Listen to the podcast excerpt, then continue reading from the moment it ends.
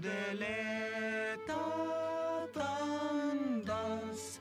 Alla borde komma med och se hur verkligt fint det är. Här kan ju människor blandas. Både direktör och smed, arbetsgivare och tagare.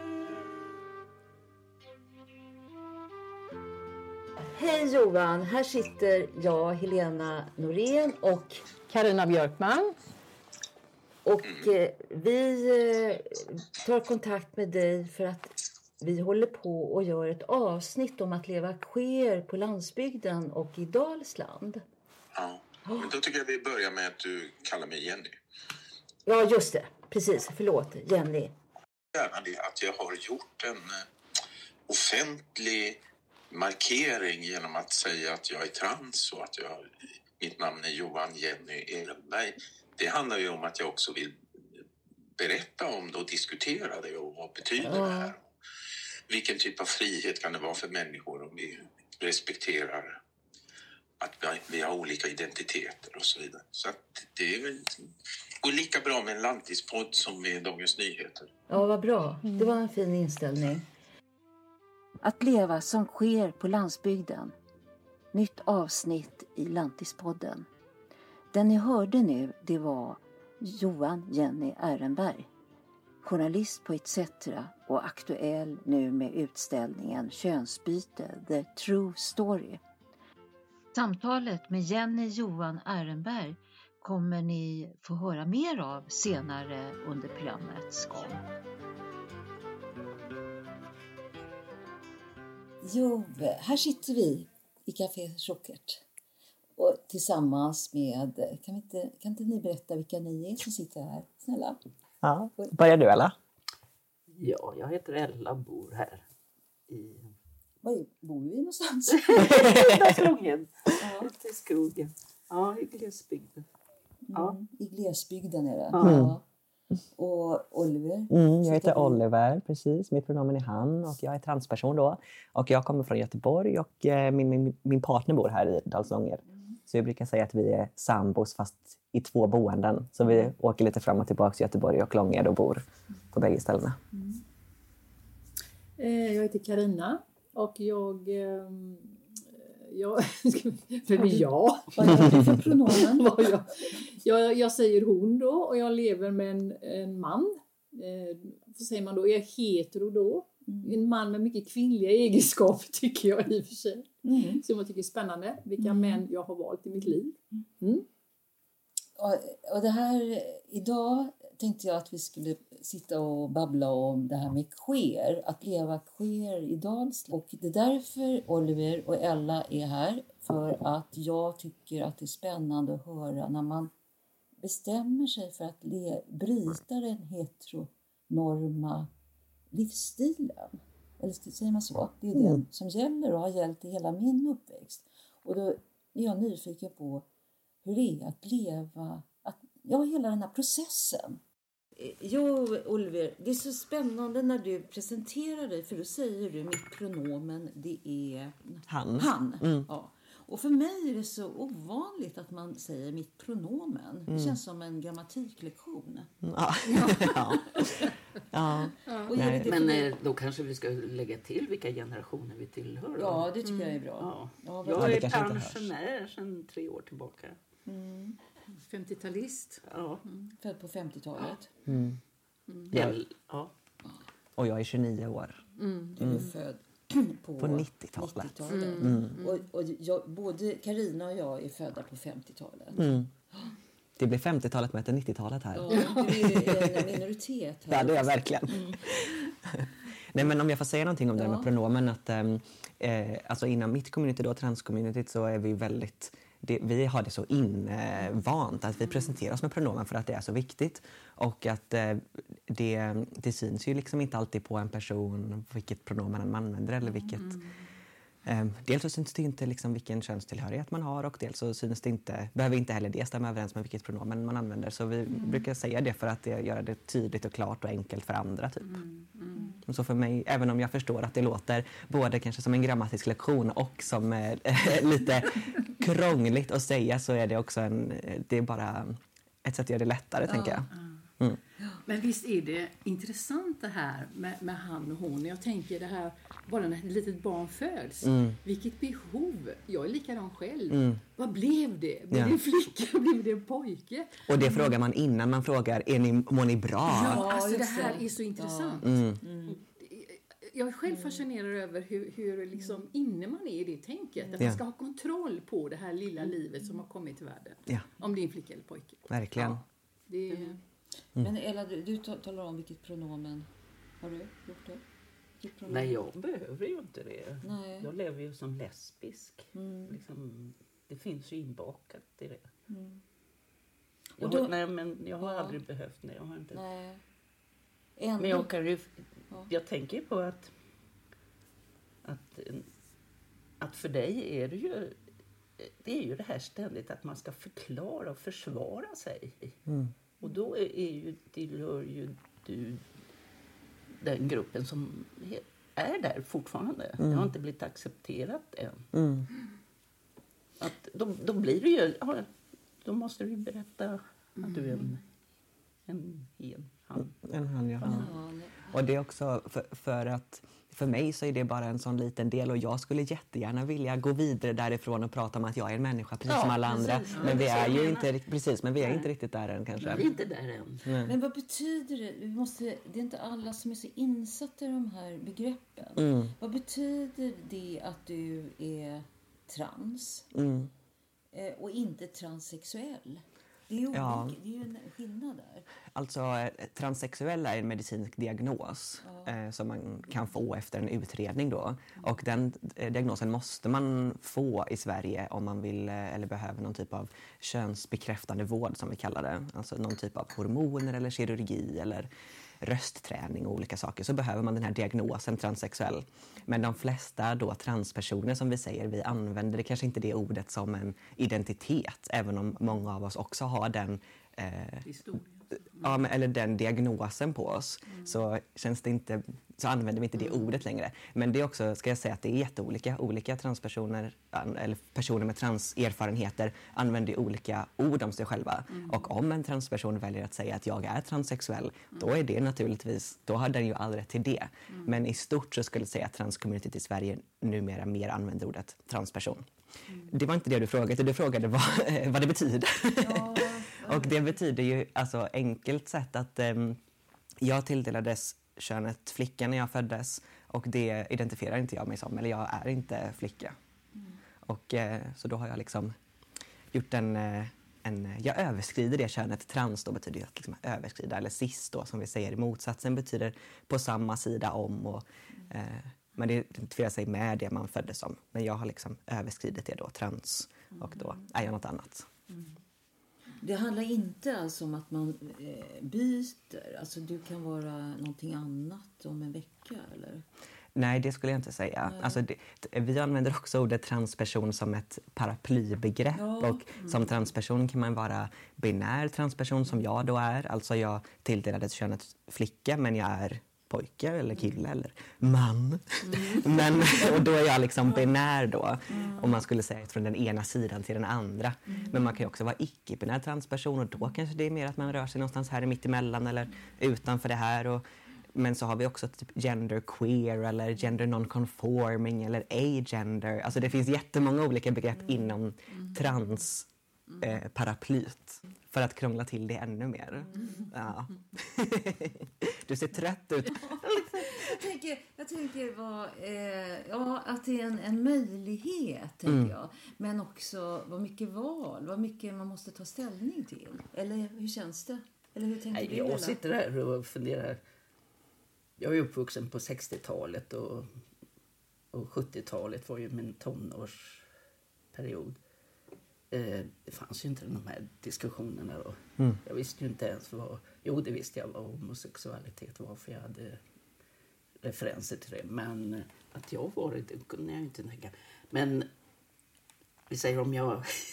Om det hade funnits den möjligheten att tänka då hade jag ju säkert hamnat i din, i din sits och att fundera vem jag verkligen var. Ja. Ja, för du känner För jag, känner, jag har ju alltid känt... att du har varit en annat kön Ja, på dig. jag tror det. Du har känt dig Ja. som en man. Men eh, ja, jag hann... Eh, men jag hade ju inga val. Liksom, det fanns ju inget som väckte tanken då. Mm. Och eh, jag hade väl inga större svårigheter. Men skulle jag ha samma val som det finns idag, då hade jag nog kanske gått samma väg som du faktiskt. Sitter jag här Ja. nu och, Vad och väcks. Väcks i tankar. Det väcks tankar nu när vi sitter och pratar så här. Att du, har, du har inte tänkt i de banorna förrän nu när du Nej. har Oliver. Mm. Ja, spännande. Så vad fint Ella att du delar det. Ja. Ja, jättefint. Och jag tänker Nej, också att det, att det också är ett intressant inlägg i den politiska debatten som tyvärr är nu. Att man pratar så mycket om att det är fler och fler personer som identifierar sig som transpersoner, att det är en epidemi och att det är ett, en trend. Men att det bara betyder, eller att det delvis betyder att ja, men ni, er generation hade inte de här begreppen. Och det är klart att det finns massa transpersoner bland er som bara aldrig har liksom, ut. ja, eller liksom fått, ja, men haft de orden att beskriva det med. away up there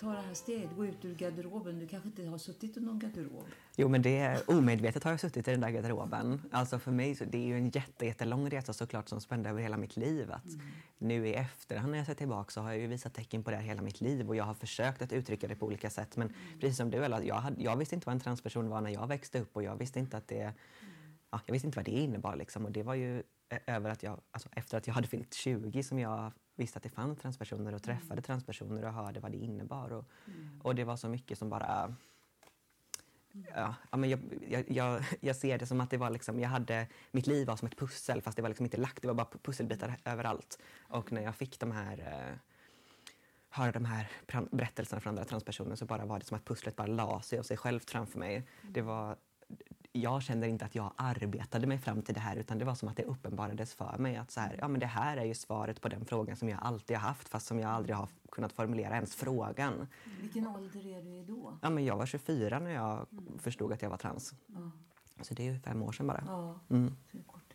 Men jag tänker, är det lättare att ändå få till sig de pusselbitarna om man bor i en storstad än om man bor i, på landsbygden? Nu har vi ju så sociala, vi har ju helt annat. Ja. Ja, men jag tänker att de, de flesta personer som jag känner har ju fått till, eller fått till sig, men liksom har förstått det här via sociala medier.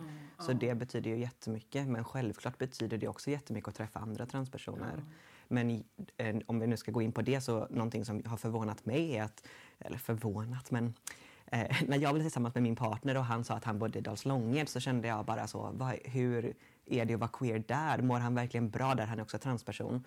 Och liksom, hur, ja, hur, hur går det?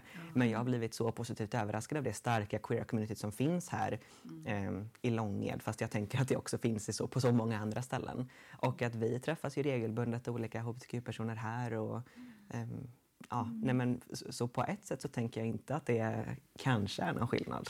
Men kan Långed vara lite annorlunda än andra små orter också kanske? Jo men absolut. det får man väl säga. Men håller du med om det, Ella? Alltså det här som Oliver säger, att det är, att det är lätt att vara, välja bort den heteronormativa familjebilden. Ehm, Jag levt som heterosexuell Ja. ända till 50-årsåldern. Precis. Och ihop med en skilsmässa så blev det att... eh, Men i och med en skilsmässa så kastades ju allt omkull. Mm. Och då fanns det väl någon pusselbit som inte hade kommit på plats. Och den fick nu möjlighet och... Eh, jag var redan en, en, eh, en person som alla hade en, en bild av. En, och, så det, Du var känd. Ja, jag du var, känd. Och jag, eh, jag var känd så pass att... Eh, Som Marianne också. Ja, som Marianne. Mm. Och jag var ju inte skrämmande då. Folk var trygga med mig. Med, med att eh, känna mig så Ja. pass väl. För jag har jobbat till och med i samhället, som på förskolan då, och skolan. Så det... Eh, både de som bor i Lången var trygga och jag var trygg med att komma ut. Då. Komma ut vet jag inte är ett bra ord. Det var, Jag tycker det är bättre om det där ordet du säger, att en pusselbit kom på plats. Komma ut. För jag var ju, jag har inte fattat att jag var lesbisk under alla de här åren. Liksom. Tills du var, fem, du Ja, var 50 då- år. liksom, jag kunde inte koppla ihop det. Men jag har ju förstått någonting.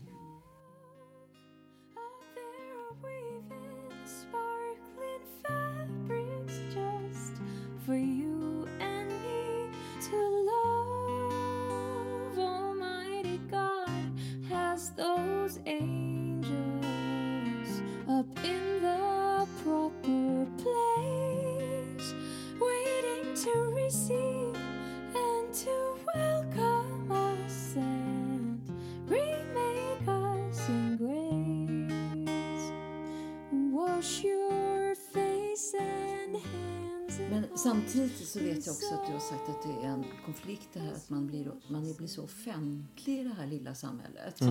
Och, och då, eh, när vi pratade här innan så Oliver, du verkar inte så besvärad av den här att vara offentlig. Eller kanske du också är? Eller? Ja, men det är. alltså både och skulle jag säga att eh, Självklart skulle man på ett sätt vilja bara kunna vara i samhället och vara en människa och inte behöva vara något särskilt. Jag skulle vilja kunna smälta in och bara, bara vara också. Men jag känner att jag inte har den, eh, det privilegiet att vara den personen. Och då vill jag vara offentlig för att visa för andra transpersoner eller andra queera personer att det finns fler som du, du är inte ensam. Jag lever, jag är lycklig och det kan du också göra. Liksom. Ehm, Så för mig så är, alltså nu skulle inte jag säga att jag lever ett offentligt liv men jag, är, jag pratar ju mycket om detta och eh, man kan hitta mig och min berättelse. Liksom. Och, eh, det är, självklart är det självvalt fast jag känner inte att jag haft helt fritt val. Förstår ni vad jag menar? Mm, mm, mm. Nej, det är ett, vi lever i ett normativt, heteronormativt samhälle. Det sitter ju väldigt djupt. Det gör det verkligen. Jag blir påmind om, jag har tur att jag har döttrar som är så på fronten. som är på mig så mycket. Men jag förstår att vi också såklart har helt olika erfarenheter. Du bodde här, du har bott här jättelänge och liksom ska då ja, hitta den här pusselbiten efter hela den processen och jag kommer in och är ingen i det här samhället. Och kan, alltså det är klart att vi har helt olika erfarenheter också. Jag förstår det. Har en historia här. Nej, men det är liksom ett acceptans framförallt. Och det är därför jag inte känt det svårt här i Långed. Inte alls. Det är det jag... Du, Jag har inte heter- behövt eh, stå till svars som förmodligen du får då. Liksom förklara hela tiden, ständigt förklara vid möten och sådär när de ifrågasätter. Det har inte jag behövt på något vis. Ja, men det är Maria. Det som har hänt däremot och det jag har behövt, behövt det kom senare sen när jag hade så kallat kommit ut eller fått den här pusselbiten på plats som jag hellre vill säga. Då. Eh, det är att, nej, jag är ingen Marianne. Jag har varit Marianne sedan jag började skolan. Innan jag började skolan då, hade jag, då kallade de mig för Lellan. Och, det var, och eh, mamma visste, hade ju glömt att tala om att jag hette Marianne till och med när jag började upp i första klass och det var upprop. Det var ingen som svarade när de frågade efter Marianne. Då. Och då gick mamma fram och så här och det är du, sa Okej. Så från och med då när jag började uppropet i första klass blev kom jag in i Marianne. systemet ja, där liksom. Då blev jag Marianne. Och det här har präglat mig alltså. Det är det här eh, skolan och myndigheter och... Jag har aldrig varit någon Marianne. Nej, Det är fascinerande. Nej. alltså. Men Så också- när jag ko- liksom fick min, kom ut och min, min eh, när jag landade då i min person då kunde jag ju ta mitt andra namn. Och det kändes bättre. Och det var Ella då. Jag är ju döpt av Ella Marianne. Alltså, ehm, jag tänkte på eh, namn ett tag. Och jag provade liksom lite olika namn. Jag provade namn som var lite lika mitt förra namn. Och provade lite mer könsneutrala namn. Provade, ja, men, jag, jag, men det var liksom inget som så kändes. Men så bara kom Oliver och då kände jag att det här är ju jag. Och jag minns en väldigt, när jag fortfarande var i perioden av att prova Oliver och känna på Oliver så var jag i ett sammanhang där någon annan pratade om en annan Oliver vid bordet bakom. Och så hörde jag det namnet och så märkte jag att min hjärna reagerade som att de pratade om mig och liksom vände mig om. Åh, pratade de om mig. Och då förstod jag bara att aha, men namnet Oliver har liksom, det är mitt. Det är mitt namn. Och att se att hjärnan reagerar så på, på ett namn som jag bara har tänkt fram, ja det var väldigt häftigt. Så Oliver är mitt namn helt enkelt. Men du sa så här att du skulle, om du hade varit yngre så kanske du hade gjort samma sak som Ja, Oliver. jag att du också hade blivit den här mannen. Ja.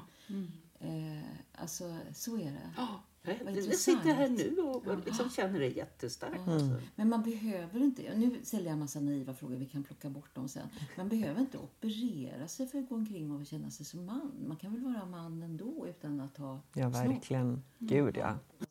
ja. Men man kan, Nej, men vi försöker också, eller vi alltså i vårt community försöker också komma ifrån den idén så mycket. För det är klart att det inte passar alla att operera sig och det är ju jättestora ingrepp och sådär. Och innan så pratade man mycket om det här med att byta kön och om könskorrigering och sådär. Men vi försöker gå ifrån det för att jag behöver inte korrigeras. Jag är redan man och jag byter inte kön. Jag har alltid varit man eller kille och det spelar liksom ingen roll hur min kropp ser ut. Jag är det ändå. Och det, jag tänker i alla fall att det är ett så mycket sundare sätt att se på det och ett, ett sätt som, eh, alltså som man kan må mycket bättre av. Att en man kan vara på precis vilket sätt som helst och ha vilken kropp som helst men man är ändå man. Och det är ju... Ja, precis. Jag tänker på det här... äh, eh, jag har alltid klätt mig väldigt manligt inom citationstecken. Mm. Jag, det, är liksom, det är det jag drar... är Liksom, eh, ja, ja, Mm. och väljer att... Eh, jag har ju tre bröder och den ena... När han gick till skolan, jag såg till att han gick i skolan före mig. För då kunde jag gå till hans eh, garderob och ta någon tröja. så. och så kunde jag ha den på mig i skolan. Och så kunde inte han, han såg väl det då. Mm. Men han var så snäll, han lät mig detta. Så det, nej men då var ju inte jag gammal, det var ju på högstadiet. Vet du, Som, jag så hade, jag, jag, liksom, jag känner mig bekväm när jag går i jag kan ju, Killkläder. killkläder är bättre säger jag. Killkläder. Ja, Du, du beskrev det här ja att med stå fickorna. Med fickorna. Du Ja. ja, varför har inte da- damkläder Ja. fickor? Det är helt Ja, otroligt. precis, jag fattar inte det. Nej.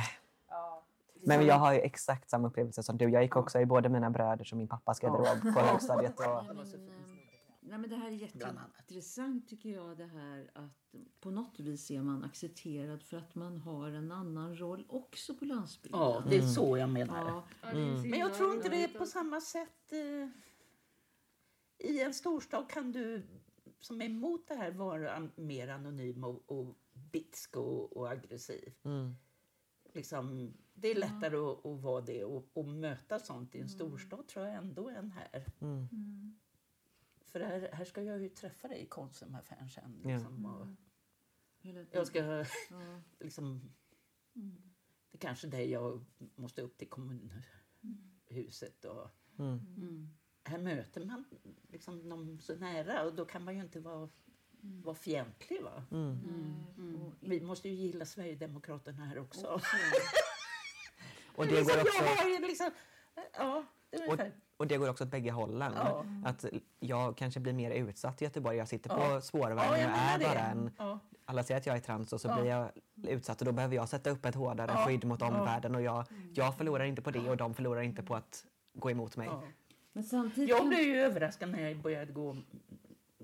Nu, I början vill man ju göra så mycket och liksom vifta med flaggor och pride-tåg och sånt där. Och det sa jag till er, va? ja, när, att jag var trygg när jag gick i pride-tåget. Men på väg till pride-tåget, Ja. gud vad mycket... Det, de spottade och jag fick en knytnäve. Om man gick så, så bara någon körde knytnäven och gick vidare. Det där händer ju i storstäder. Det skulle ju inte kunna hända här. Nej. För jag ser ju Nej, i så fall vem det är. Va? Och liksom, det finns ett större skydd här tycker Mm. jag nästan. Var det någon person för er som var någon form av förebild eller kom bara den här pusselbiten i livsprocessen? Ja, men jag har det ju i min familj flera generationer bakåt. Och det har jag ju blivit matad sedan jag var liten. Om, eh, min morfar växte ju upp med två mammor. Och då pratar vi om att min morfar var ju född 1886. Oj. Och eh, eh, det var en, Och de levde i 30 år i, en, i en, ett förhållande. Ja, med kvinnor. Anna, Stina och Ella hette hon också. Nej. Så liksom- Nej men nu börjar jag gråta. Eller? ja, eh, det har nog varit min förebild. Mm. Ja. Mm. Efter det att jag, ja precis, det är min förebild. Mm. Och eh, sen har jag ju min moster som var förmodligen eh, bisexuell. Och det är väl där jag började förstå. Då, men då är du Ja. 50-årsåldern när du börjar förstå det? För att, Ja, det, eller, eller jag släpper fram tanken. Den har ju, Ja. Jag har ju förnekat, vi kan ju säga att jag har levt i en förnekelse. Jag har ju jag har hur tydliga signaler hela tiden. Liksom. Mm. Och liksom upplevelser. Och, men jag har förnekat det på något vis. Mm. Men, eh, Men du var ingen sån här tydlig person som var lesbisk som du blev kär det har varit många. Men jag, har jag har ju förnekat det. Va? Mm. Liksom.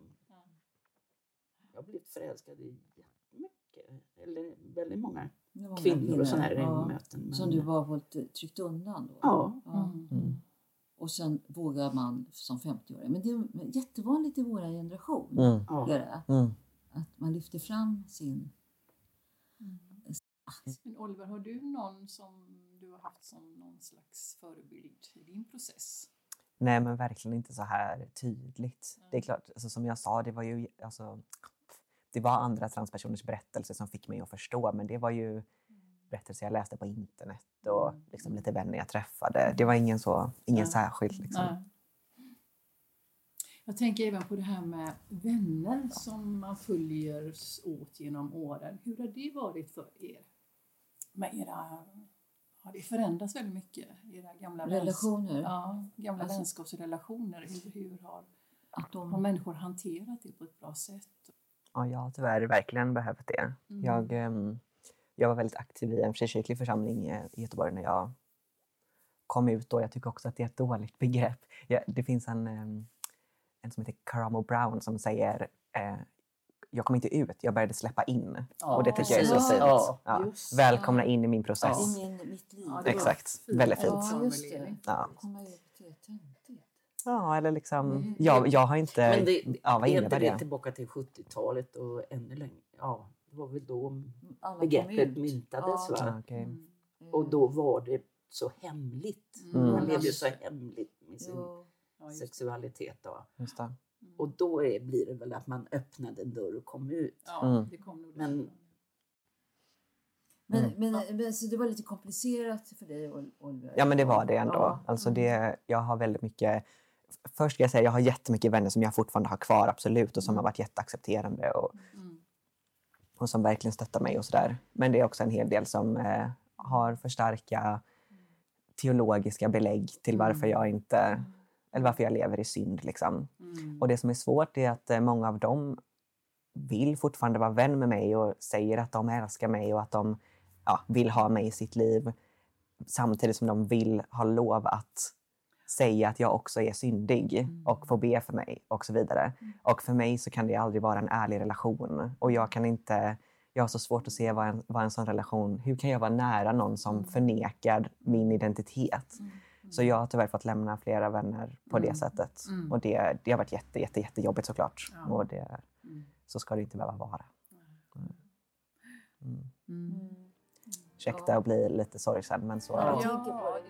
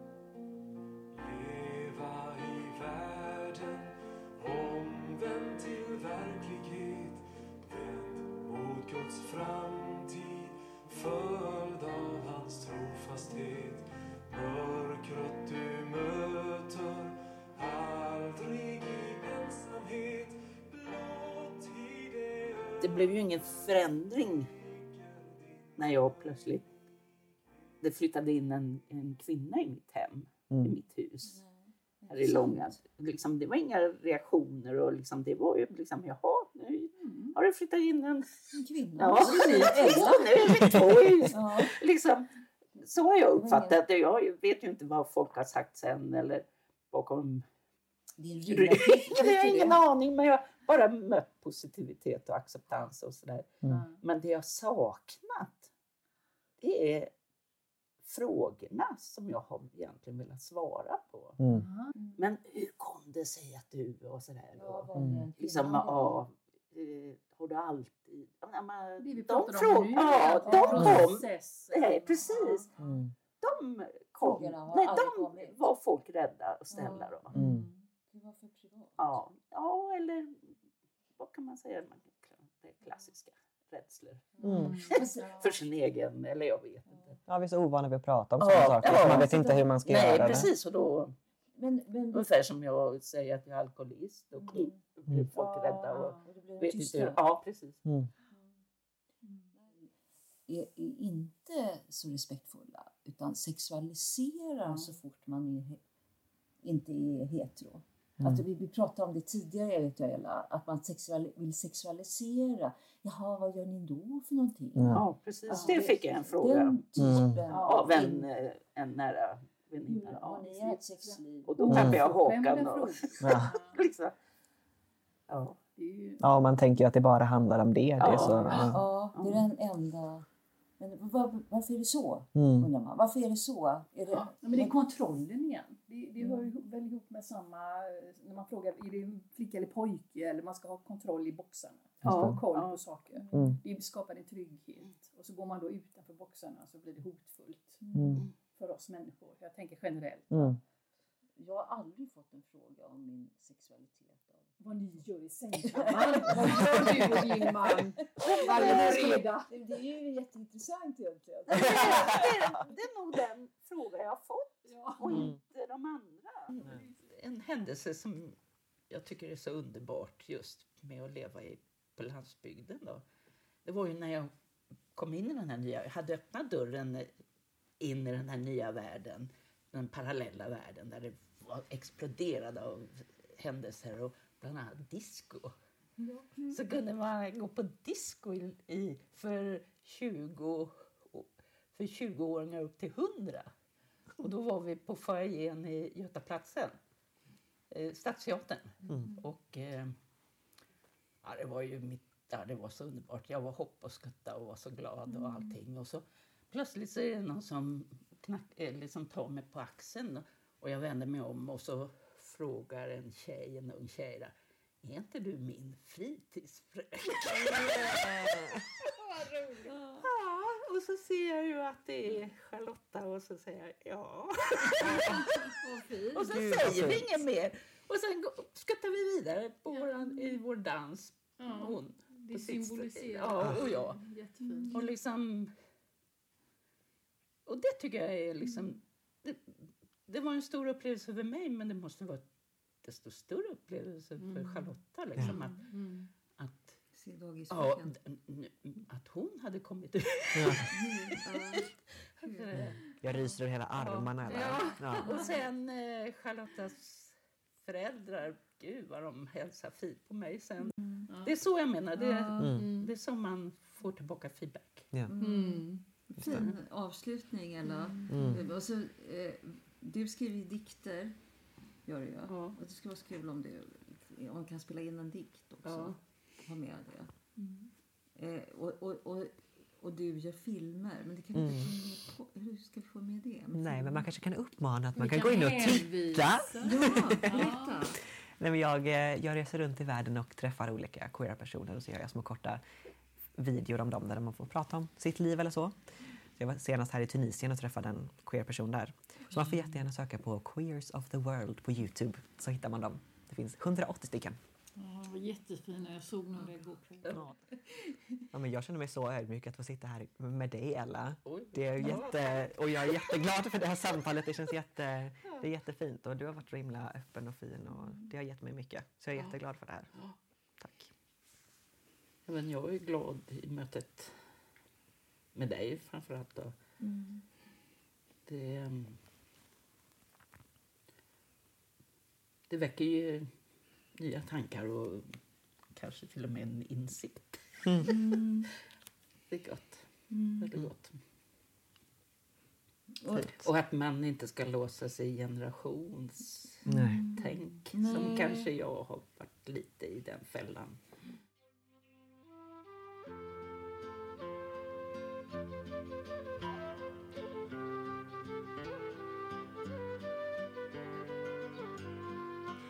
Lantispodden ringde upp Johan Jenny Ehrenberg som är aktuell med eh, utställningen Könsbyte The True Story. Och här kommer samtalet. Jag är uppfödd på en hemsk by i norra Skåne som heter Hästveda. Ja. 2500 invånare. Alltså hela norra Skåne är ju, eh, är ju landsbygd, det är bara småbyar. Så det finns väldigt mycket ska jag säga, problem och just nu är det ju väldigt mycket SD överallt där. Så att, eh, min relation till landsbygden är eh, att jag flyttade ifrån den när jag var 16 år till Stockholm. Sen har jag bott i Stockholm. Men du ser dig inte som en lantis då? Nej, det kan jag ju inte göra. Utan du, jag lever ju ett Stockholmsliv. För jag tänkte du har förankring i Katrineholm också, eller hur? Ja, då. Ja, och det är ju också landsbygd kan man väl säga. ja det, kan, det är väl mera landsbygd för mig eftersom det är ute i skogen Ja, där jag bor. ja, Vi- är bara, vi är bara tre grannar här. Ja, Och så, vidare. Så, så det är ju ett annat liv. Men det är ju samtidigt ett liv jag kan ha därför att jag bor i Stockholm. ja, Ja, Det är ju inte så att jag skulle kunna göra de jobb jag gör och sånt om jag bodde i Katrineholm. Vi är ju väldigt angelägna om att människor ska bo på landsbygden. Det är därför jag startade Lantispodden. Och då, då undrar jag också, vad är det som var så hemskt att... Eh, du, du, du sa att du stack ifrån... Vad var det som var orsaken till att du stack ifrån Hästveda? Ja, men landsbygd kan ju vara väldigt olika beroende på vilka som styr där, där. Och eh, som har liksom makten i byn eller vad man ska säga. Och i Hästveda var en väldigt reaktionär Ja, eh, samhälle. Och allting som gjorde att man stack ut och var lite annorlunda och jag var ju väldigt annorlunda för jag var ju väldigt radikal. ja, Då var man inte välkommen. Och eh, blev inte inbjuden till ja, vanliga, vanliga saker som man gör när man bor på landsbygd. Så att eh, det blev ju det blev väl ett ömsesidigt ogillande. Ja, jag hade ju några, två, två kompisar, men det, vi var ju alla på väg därifrån. Så att säga. Men det, det, är- det, är ju inte, det är inte så ovanligt när man är ung. Nej, absolut inte. Det där är jättevanligt, det ser vi här. Men det var mer din radikala sida som gjorde att du gav dig iväg mer än din transsida. Ja, det skulle jag säga, för den fanns ju inte dokumenterad offentligt på något sätt. Nej, nej. Nej. Däremot så är det radikal, jag tror att det handlar väldigt mycket om eh, en eh, ovilja att integrera någonting nytt i byn. För att eh, jag har ju en st- kommer från en stor familj. Mm. Vi- var ju åtta personer. Och det var inte så att de andra var jättevälkomna heller. Så att det handlar inte bara om mig utan det handlar om att det finns eh, i, en del byar finns det en ovilja att eh, att se andra människor som kommer som, är, som inte är som de som har bott där i tre generationer. Och det där finns ju. Jag kommer ju min mor kommer ju från Norrland så jag har ju eh, från Forsnäs som är en väldigt liten by norr om Åsele. Eh, och där har jag ju varit mycket, men det var ju en helt annan attityd. Jo, men eh, det, det är spännande att du tar upp det här, för den här spänningen finns ju i eh, flera samhällen, det här som du beskriver. Och det kan vara väldigt olika. Vi, vi, vi är ju väldigt engagerade i olika arrangemang i Långed som inte har det här klimatet. var, var man än bor så handlar det om engagemang. Om människor går samman och vill göra någonting, då måste det få stöd av andra. För att det är då det kan hända positiva cirklar. Men om man är rädd för varje förändring, rädd för att någon har en idé, rädd för att några organiserar sig för att göra någonting, ja, då blir det ju ett väldigt stillastående samhälle som blir väldigt eh, Mm. rädd. Ett rätt, ett fegt samhälle helt enkelt. Mm. Och det där är ju, kan ju vara... Jag åker ju jättemycket runt i Sverige och håller föredrag och åker Mm. på turnéer och sånt där. Det kan ju bara vara någon mil mellan två orter och så tycker man att det är helt olika bemötande. tycker det är så spännande, Jenny, det här som du beskriver eh, i, din, i tidningen här nu som du har gjort om skillnaden när du är Jenny och när du är Johan. Att du får olika bemötande. Det, det tycker jag är jätteintressant. Eh, hur det eh, yttrar Ja, men det, sig. är, det är inte så konstigt eh, egentligen för att om man tänker på hur vi fungerar så som människor, när vi ser en främmande människa så väljer vi, tittar vi på den människan och försöker förstå den och försöker se hur ska jag agera ihop eller Mm, med den här människan. mm, Och om det då är någon som ser ut som en eh, pojke så reagerar du automatiskt på ett visst sätt. Om det är någon som ser ut som en flicka så reagerar du på ett annat sätt. mm, Och de symbolerna, det är ju det som är könsidentiteten. Det är ju ingenting som jag har, utan det är ju någonting som man får tillsammans. mm, Det är ju det, so- det sociala mötet som skapar kön. Och om jag då signalerar till dig att nej, men jag är ingen pojke, mm, eh, då har det ingen betydelse att du vet att ja, du föddes ju som pojke. mm, Det, utan du kommer att behandla mig annorlunda mm. i, i mötet än du skulle göra eh, om jag eh, gick omkring i pojkkläder. Mm. Men det, jag tänker också det här att det blir en förändring om jag tar på mig pojkkläder eller om jag tar på mig flickkläder. Att mitt eget beteende blir annorlunda. Mm. Det är ju för att vi, vi är sociala varelser. Så Mm. om, jag, om jag trovärdigt vill visa dig att jag är inte en pojke då kommer jag ju bete mig på ett sätt som, med signaler som talar om det för dig Mm. på något sätt. Och det kan vara kläder, det kan vara hur, hur man pratar, det kan vara hur man rör sig, det kan vara eh, positiva saker, att man kanske lyssnar mer på den andra. Men det kan också vara negativa saker, att man drar sig undan. Och, så att det där med könen och könsrollerna är ju, är ju väldigt, Mm. väldigt kraftfulla signaler för hur vi, hur Mm. vi ska leva. Mm. Mm. Eh, du, eh, när kände du att du var trans? När Det, kände du? det, det förstod jag inte när jag var 13, men det var ju då jag, Kände då av? jag var det. Ja. Det var då jag började. Men hade du, har du haft någon förebild? Nej. Aldrig? Eller i Nej. det här? Aldrig haft någon Nej. sån transförebild? Eller, Nej, men jag fick, som vuxen så fick jag ju lära känna människor som var väldigt starka och, och trans. Men då hade, det gjorde jag ju 1983 när jag mm, levde sex månader som tjej och eh, skrev om det redan då. mm, Eh, det var ju bemötandet från samhället som var väldigt reaktionärt och jobbigt och som gjorde att jag inte kunde göra det, Mm. fortsätta. Men själva människorna jag träffade då, de var ju fantastiska, många utav dem mm. Så, men det är inte så att jag har haft någon personlig hjälte.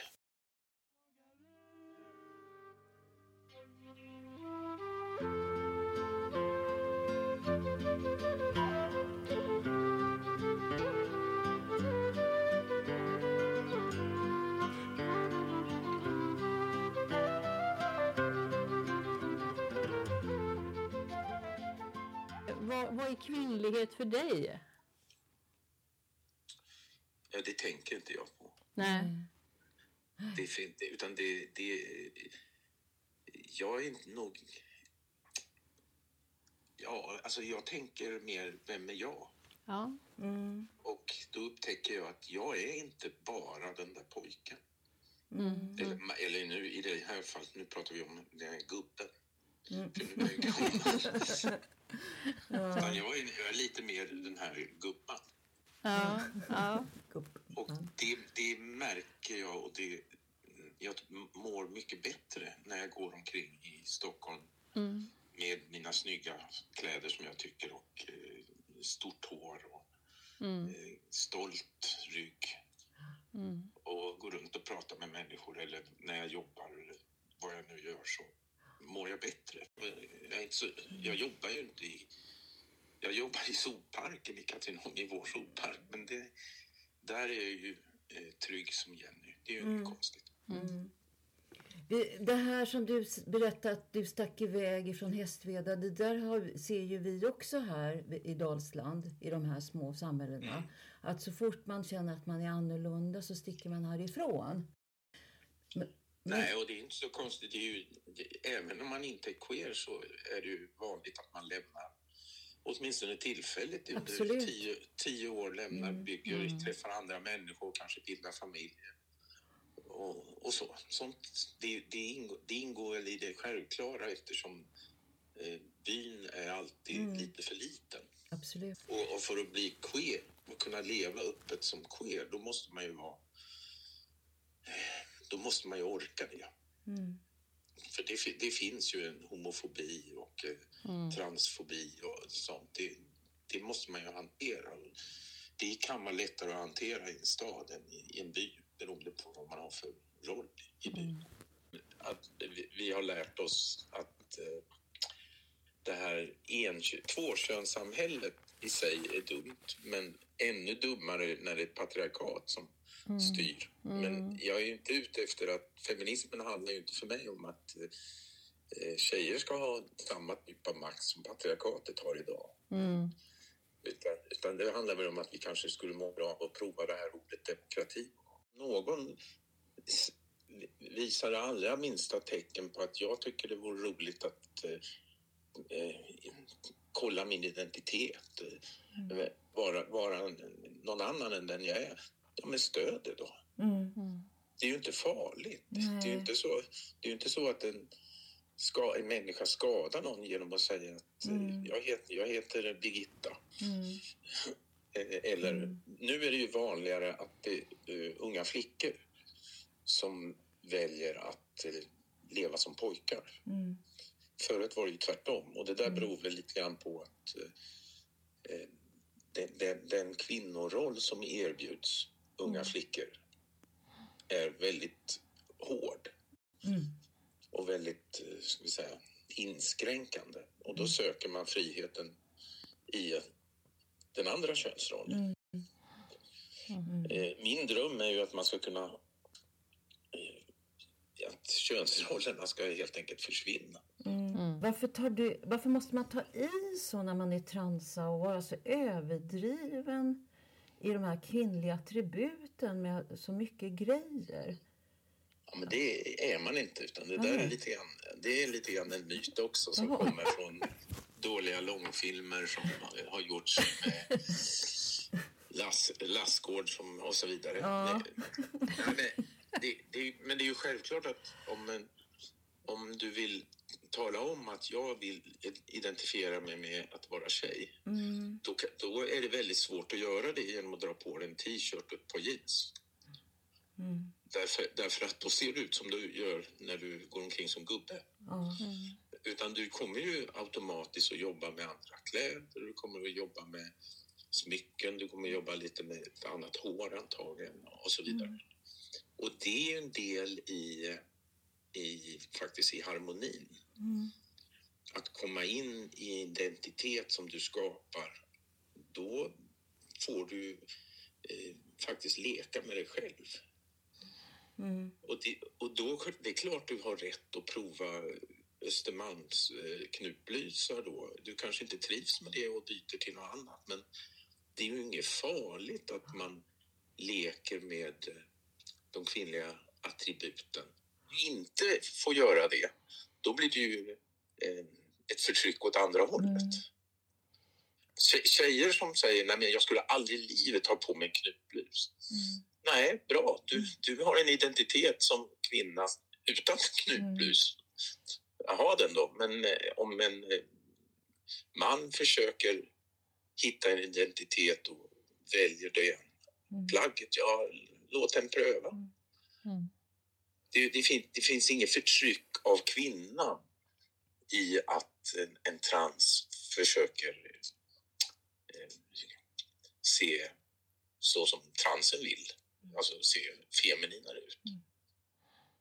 Mm. Det, det, är- det är ganska inskränkt om man tänker sig att, att eh, man ska se ut som... Eh, ja, nu kommer jag inte på någon person. Nej.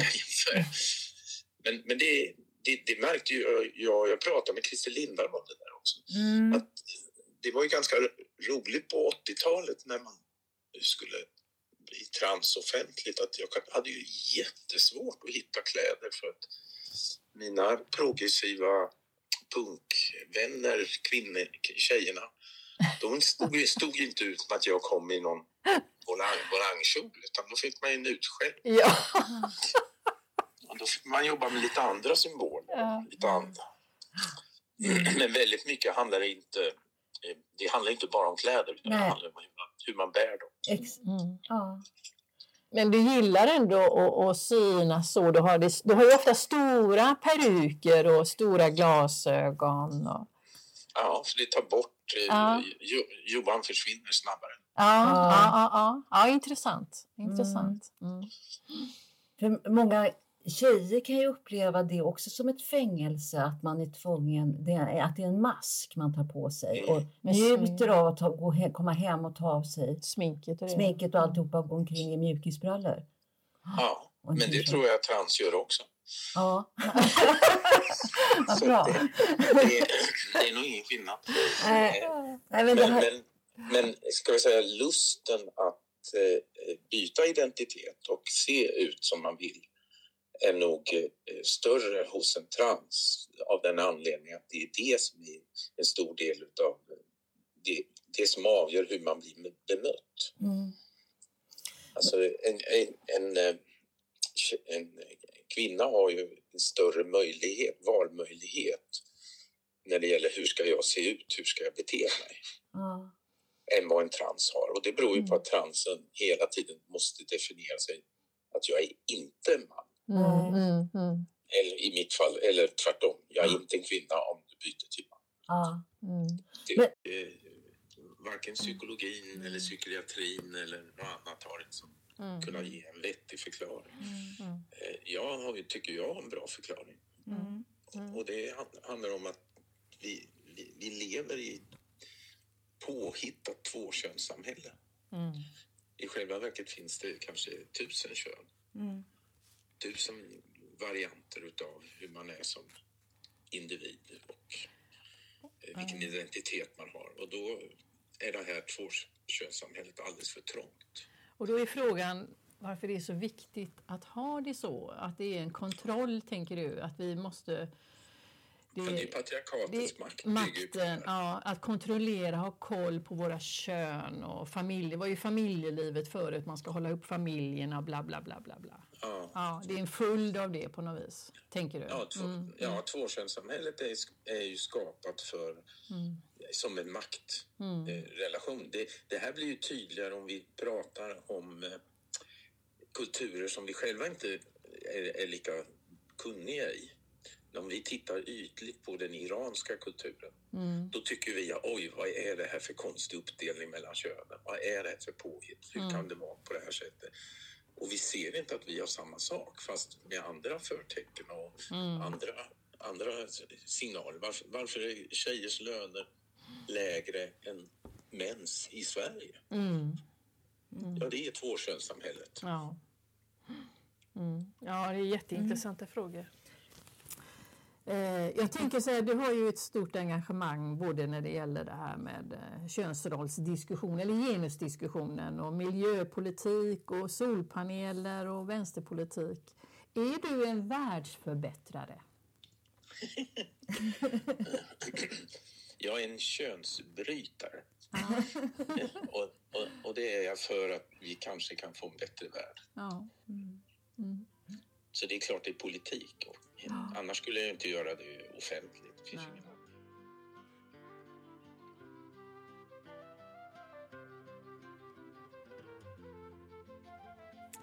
Ja, nu är ju detta avsnitt snart slut, Helena. Ja, och vi vill tacka att eh, Johan, Jenny och Oliver och Ella varit med och delat med sig av sina erfarenheter. Och musiken ni har hört är ju då Gunder Hägg, Glassfabriken och vi har Almighty God med Sara Larsson. Och samt salmen Blott det öppna med Roland Stare och Lars-Åke Larsson. Och vill ni fördjupa er mer kring detta ämne så ska ni ta kontakt med RFSL och eh, de kan svara på mycket hbtq-frågor. Ja, och vi avslutar nu med Ellas dikt Mina jästa tvivel. Och hej så länge säger vi jäst, mina jästa tvivel som jag skrev precis när jag hade kommit ut i 50-årsåldern. Det handlar om att vara i en känsla av fel identitet. Det är inte lätt att veta förrän det blir fel. Det är inte lätt att känna när rädslan är där. Det är inte lätt som liten förstå att det inte är som det ska. Men att vända ska bli lätt, lätt som en lätt. Det är mitt ljugna liv som ska vändas om. Mina jästa tvivel som ska knådas och boxas så det pyser. Ända sedan jag var liten har det alltid känts så bakvänt om. Jag har alltid velat vara någon annan än vad andra velat att jag skulle vara. Det är inte lätt att som liten förstå att det inte är som det ska. Jag lurade mig själv år efter år. Jag var till lag så jag var snäll. Jag försökte niga men det blev fel. Jag försökte bocka och allt kändes rätt. Jag, har, jag hade lurat och narrat och själv trott på inre spöken som hoa. Det är inte lätt att känna när rädslan är där. 50 år är den sträcka det tagit att ta mig fram till det rätta. Det är, det är inte lätt att veta förrän tiden är mogen. Men att vända var lätt. Nej, lätt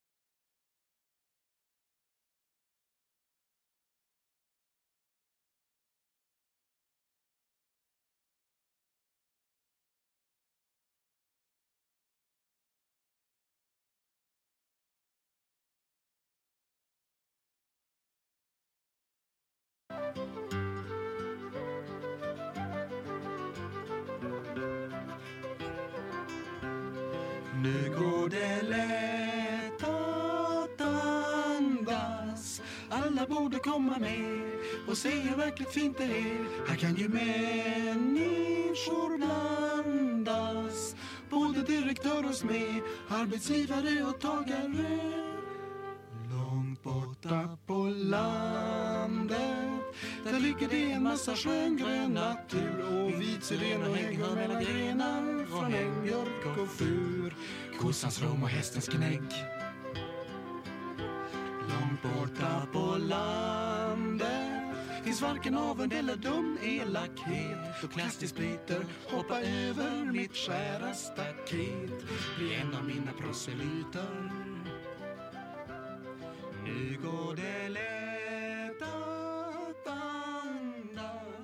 Alla borde komma med och se hur verkligt fint det är. Här kan ju människor blandas Både direktör och smed, arbetsgivare och tagare.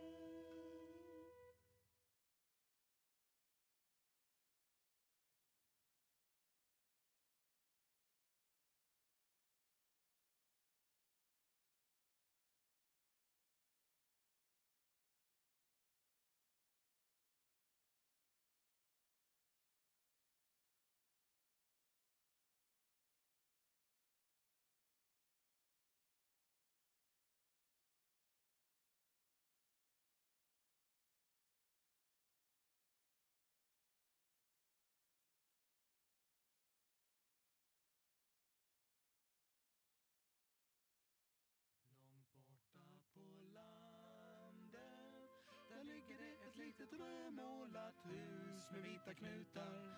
Där får jag värme och ljus. Här är det som världen slutar? Långt borta på landet Där finns det inga stora otäcka städer. Inga industrier där väver jag själv mina kläder. Och ägnar mig åt drömmerier. Nu går det lättare. Alla borde komma med och se hur verkligt fint det är. Här kan ju människor blandas Både direktör och smed, arbetsgivare och tagare.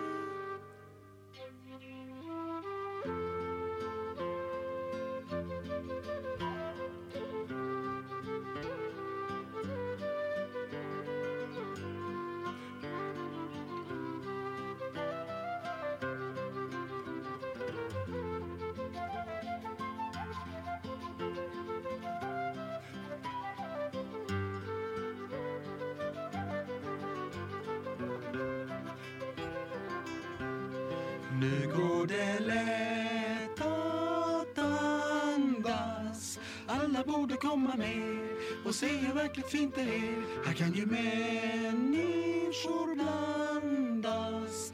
Både direktör och smed, arbetsgivare och tagare. Långt borta på landet Där ligger det en massa skön grön natur. Och vit siren och hängör mellan grenar Från äng, björk och fur. Kossans rom och hästens gnägg. Långt borta på landet Finns varken avund eller dum.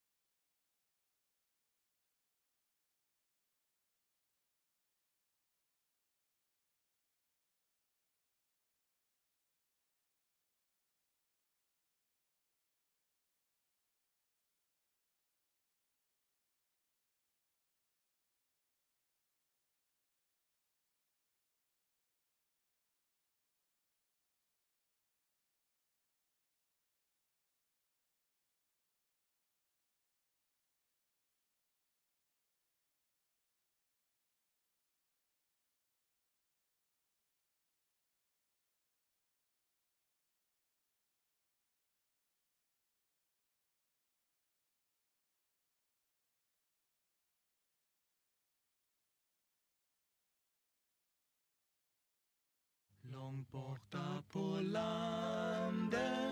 Där ligger det ett litet rödmålat hus med vita knutar. Där får jag värme och ljus. Här är det som världen slutar. Långt borta på landet. Där finns det inga stora otäcka städer. Inga industrier där väver jag själv mina kläder och ägnar mig åt drömmerier nu går det lätt att andas. Alla borde komma med och se hur verkligt fint det är. Här kan ju människor blandas. Både direktör och smed, arbetsgivare och tagare.